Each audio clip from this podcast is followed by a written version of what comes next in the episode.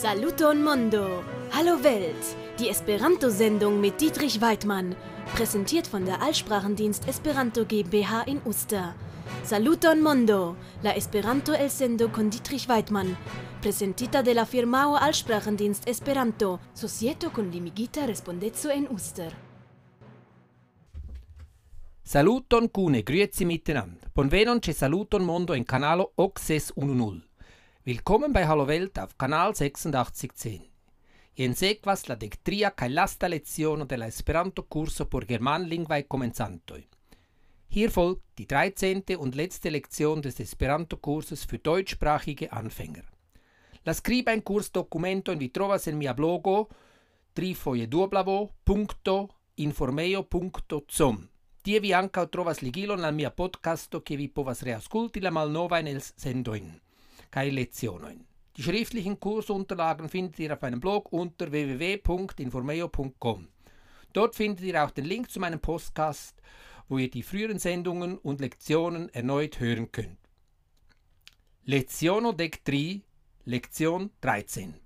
Estas vendredo, la dudec oca de maio, du mil dudec unu, je la dec sesa horo, kaj la kvarge amikoj ĉus aŭskultas en la radiokanal ok mil sescentdek la novaĵojn. Es ist Freitag, der 28. Mai 2021 um 16 Uhr und die vier Freunde und Freundinnen hören gerade am Radiokanal 8610 die Nachrichten. La Federica Consilo in sia hodia gazetara conferenzo cius annoncis la fino de la pandemio. Sharek de la dec quina de maio nova in infecta prescau cesis eblas declari la officialan finon de criso. Ciui contra corona limigioi cun tuia effecto estas nulligitai. Der Bundesrat hat in seiner heutigen Pressekonferenz das Ende der Pandemie erklärt. Weil es seit dem 15. Mai fast keine Neuinfektionen mehr gibt, kann man das offizielle Ende der Krise erklären. Alle Anti-Corona-Einschränkungen sind mit sofortiger Wirkung aufgehoben. Juhu, ni faros grandan festo morgau! Juhu, wir machen eine große Party morgen. Extere oni subite audas grandan bruon de klaxonatai automobiloi kai doktoro curas en la salonon. Draußen hört man plötzlich einen Riesenlärm von hupenden Autos und Dottore stürmt ins Wohnzimmer. Ĉu vi audis la novaĵojn? Tio estas tro bela por esti la vero! Habt ihr die Nachrichten gehört? Das ist zu schön, um die Wahrheit zu sein. Ĉu vi festos nur morgau? Tui ni ekfestu! Willst du erst morgen feiern? Beginnen wir gleich zu festen. Vi pravas! Ni ne plu festis dum jaro! Do ek al la lago! Du hast recht, wir haben seit einem Jahr nicht mehr gefeiert, also auf zum See. Yes, ni ek iru al la lago, sed ni survoja acetu sufficiain trincaĵojn kaj kalbasojn, porque Arlecchino ne povas ĉion formanĝi sole. Ja, gehen wir los zum See, aber kaufen wir unterwegs genug Getränke und Würste, damit Arlecchino nicht alles allein wegessen kann. Ne ciam attacco mian bonuccion. Greif nicht immer meinen Liebling an. Mi ne volas offendi lin, sed mia frato vere estas manĝ eg emulo. Mi nur miras, kiel li sukcesas tio manĝi kaj ne dikiĝi. Ich möchte ihn nicht beleidigen, aber mein Bruder ist wirklich ein Fresssack. Ich wundere mich nur, wie er so viel essen kann und nicht dick wird. Se mi ne tiom laborintus, mi jam dik icintus. Wenn ich nicht so viel gearbeitet hätte, wäre ich bereits dick geworden. Vi kaj laboro. Tio iras same bone kune kiel du sampulsaj magnetoj. Du und Arbeit, das geht so gut zusammen wie zwei gleichgepolte Magnete. La ge amico en enpaccas carpon, paperon, fairo materialon, faeromaterialon, bancostumoin cae musiciloin. Ili prenas la hundon kai ec iras. Survoie ili accettas en la supermercato colbassoin, terpomoin, bieron kai alia intrincajoin, kai tiam promenas alla lago. Amaseco da aliae homoi ancao alvenas alla lago bordo. Comenciccias giganta spontanea festivalo. Die Freunde und Freundinnen packen Kohle, Papier, Feuermaterial, Badekleider und Musikinstrumente ein. Sie nehmen den Hund und gehen los. Unterwegs kaufen sie im Supermarkt Würste, Kartoffeln, Bier und andere Getränke und spazieren dann zum See. Eine große Menge anderer Menschen kommen auch am Seeufer an. Es beginnt ein gigantisches, spontanes Festival. Arlecchino, ludu al ni ion sur via chitarro. Arlecchino, spiel uns was auf deiner Gitarre. Se tiam vi, Arlecchina kai Colombina devas canti con mi. Aber dann müssen du, Arlecchina und Colombina, mit mir singen. Kai Brigella accompanu nin sur la tamburo. Und Brigella soll uns auf der Trommel begleiten. La che amicoi ec musicas, ca circa ili multae homoi staras, cae cundanzas, cae cuncantas, cae la hundo cuncantas poiante. La festo dauras la tutan nocton, cae la homoi explodigas faeriloin. Die Freunde und Freundinnen beginnen zu musizieren, und rund um sie herum stehen viele Menschen und tanzen mit und singen mit, und der Hund singt bellend mit. Das Fest dauert die ganze Nacht, und die Menschen lassen Feuerwerk knallen. Ŝatas la bruon de la eksplodoj. Wow, wow, wow! Mi ne ŝatas la bruon de la eksplodoj. Ne timu, Huccio, la homoi gioias, char corono finicis. Keine Angst, Hündchen. Die Menschen freuen sich, weil Corona vorbei ist. La festo pludauris sabaton cae dimanchon, cae cia in tuta Svislando ocasis same. La homoi dansis sur la stratoi, cae festis la finon de corono. Sed kiel corono finicis, ancao la festo devis finici, cae tiel alvenis lundo, cion devis sequi mardo, mecredo, cae jaudo. Es ging am Samstag und Sonntag weiter und überall in der ganzen Schweiz geschah dasselbe. Die Menschen tanzten auf den Straßen und feierten das Ende von Corona. Aber wie Corona endete, so musste auch das Fest zu Ende gehen und so folgte der Montag, denn der Dienstag, Mittwoch und Donnerstag folgen mussten. La lundai matenoin oni devus lege mal permessi.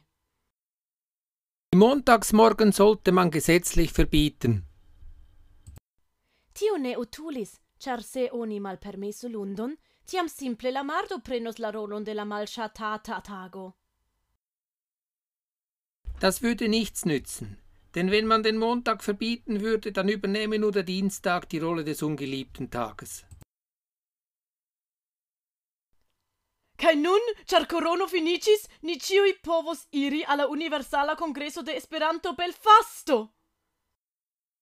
Und jetzt, weil Corona aufgehört hat, werden wir alle an den Esperanto-Weltkongress in Belfast gehen können. Kai ne nur finicis corono, sed ancau finicias nia e-conduca curso de Esperanto. Vi povas reausculti ciun leccionon en la postcasto de Didi Weidmann, kai en nia radiocanal 8610. Ni recomencos post du semainoi per la unua lecciono. Und hier endet nicht nur Corona, sondern auch unser Esperanto-Einführungskurs. Ihr könnt alle Lektionen auf dem Podcast von Didi Weidmann wieder hören. Und in unserem Radio, Kanal 8610, werden wir in zwei Wochen wieder mit der ersten Lektion beginnen. Grammatik, Grammatico. Wir möchten hier nochmals die wichtigsten Regeln wiederholen. Die Wortbildungsendungen. Alle Hauptwörter, auch Nomen oder Substantive genannt, enden im Esperanto auf O. Mit der Endung A werden Adjektive gebildet. Mit der Endung E werden Adverbien gebildet. Auf as enden Verben in der Gegenwart. Auf is enden Verben in der Vergangenheit. Auf os enden Verben in der Zukunft. Auf us enden Verben in der Bedingungsform. Auf u enden Verben in der Befehlsform und auf i enden Verben im Infinitiv. Man kann diese Wortbildungssilben an jeden Wortstamm anhängen und so aus jeder Wortart in eine andere umwandeln. Laboro. Heißt somit Arbeit. Laboratago.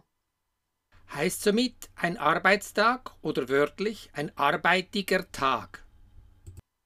Labore passi la tagon. Heißt den Tag mit Arbeit verbringen, wörtlich arbeitig den Tag verbringen. Mi laboras. Heißt ich arbeite. Mi laboris. Heißt ich arbeitete oder ich habe gearbeitet. Mi laboros. Heißt ich werde arbeiten. Laboru por vivi kai ne vivu por labori. Heißt arbeite um zu leben und lebe nicht um zu arbeiten.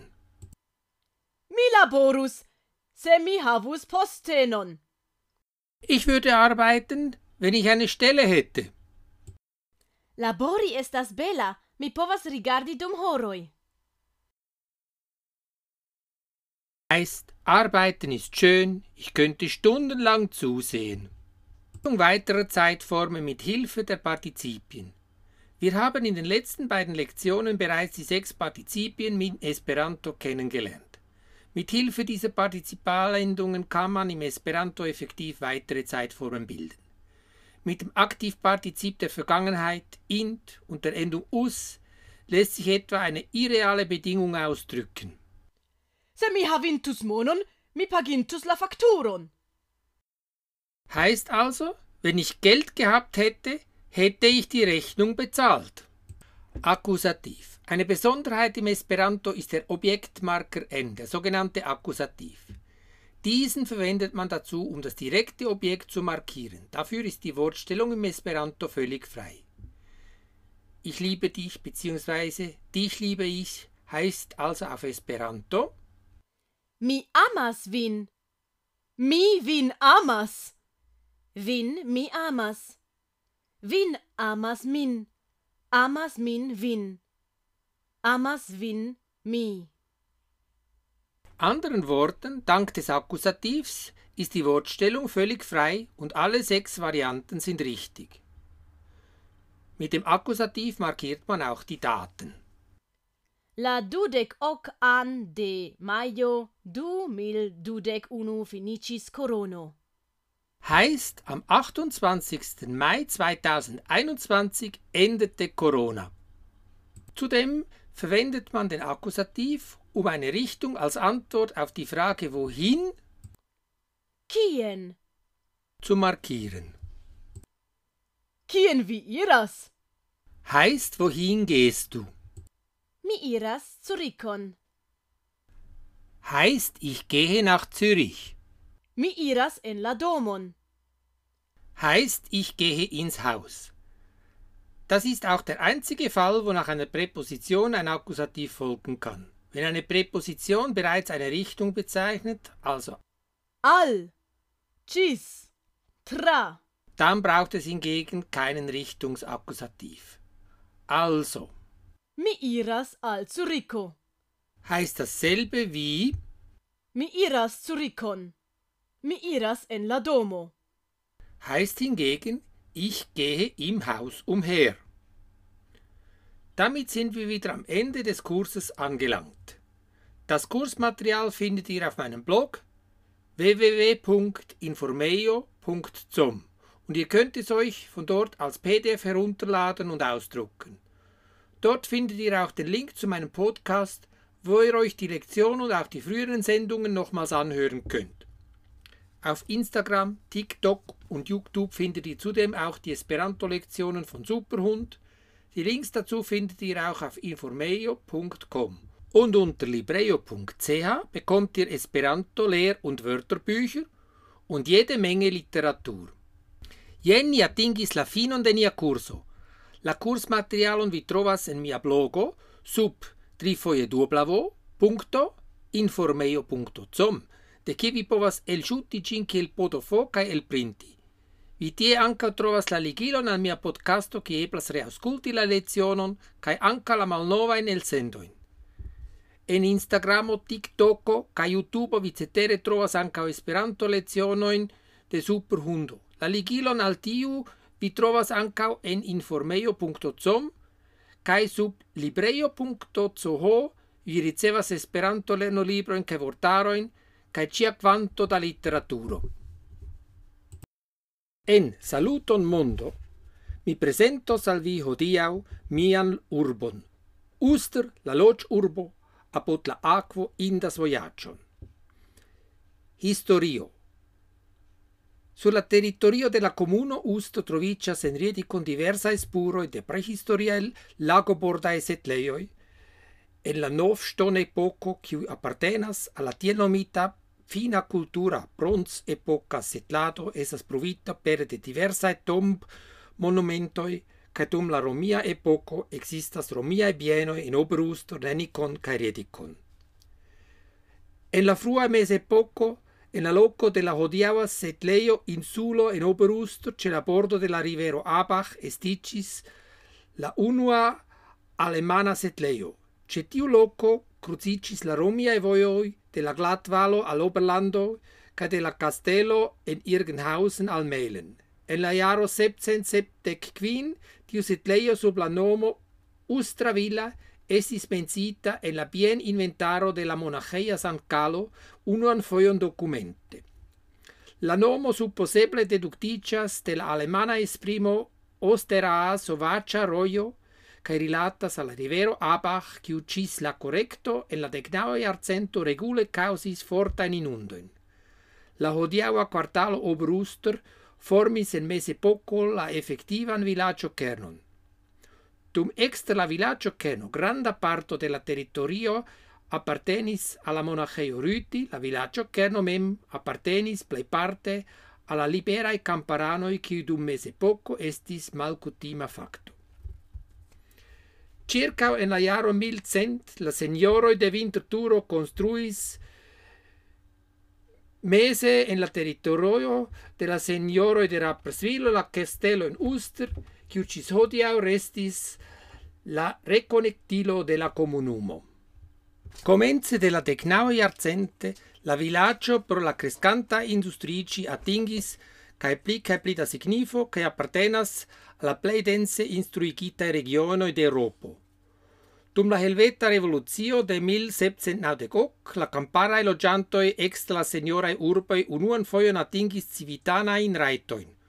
Post la fino de la regado de Napoleono en 1804 tamen la suricae senioroi restarigis sub la restaurazia constitucio la malnovan regimon cae de nove senraitigis la camparain logiantoin. Tio conducis a politica evoluo quiu culminis en la liberala revolucio de 1830. La campara popolo iom post iom aciris educadon cae la camparano esen helpo de la urbo construis lerneioin. Circa Paul Ustri, quiu fondis la novan Zurican gazeton, esticis oppositia movado, quiu protestis contra la restaurazia konstitucio. La Julia Revolucio de Pariso instigis anca la liberuloin de Zurico, Dr. Ludwig Košnel, publicigis la mem morfolioin de Küsnacht. Iom pos proximume cent personoi convenis en Stefa, cae decidis organisi novembro 1830 rencontigion en Ustr. La dudectuan de novembro 1830 dec milo da civitanoi el ciui directoi marsis al Ustr. Cia la preceio tro malgrandis, Pro la homa massoi oni renchiotici sulla montetto de Cimicon. La conveno fari diversa in decidoin postulis libericon de impostoi ca novan constituzioin. La decidoi estis presentitae en la memor declaro de Ustr. La Uster tago ocasis in pazzo sen arma interveno. Tio estis la unua pascio alla moderna cantono Zurico. En 1831 che rezulto de la tago de Ustor estis realigita la disigo de la fortoj kaj akceptita en kantono Zuriko nova konstitucio sur della popola suverenezzo e suvereneco, egalraeteco de kamparanoj kaj urbanoj kaj libereco de opinio kaj gazetaro. Tio facte estis la eventoj qui priposte kondukis al la reala naskiĝo della Svissa Federazia Stato en la jaro 1848. Ni alvenis alla fino de nia hodiava el sendo. La presentadon de mia urbo ni daurigos en mia venonta el sendo postu semainoi, ciam de nove estas Saluton Mundo. Das war Hallo Welt, die Esperanto-Sendung mit Dietrich Weidmann, präsentiert von der Allsprachendienst Esperanto GmbH in Uster. Tio estis Saluton Mondo, la Esperanto el sendo con Dietrich Weidmann, presentita de la firmao Allsprachendienst Esperanto, societo con limigita respondezo en Uster.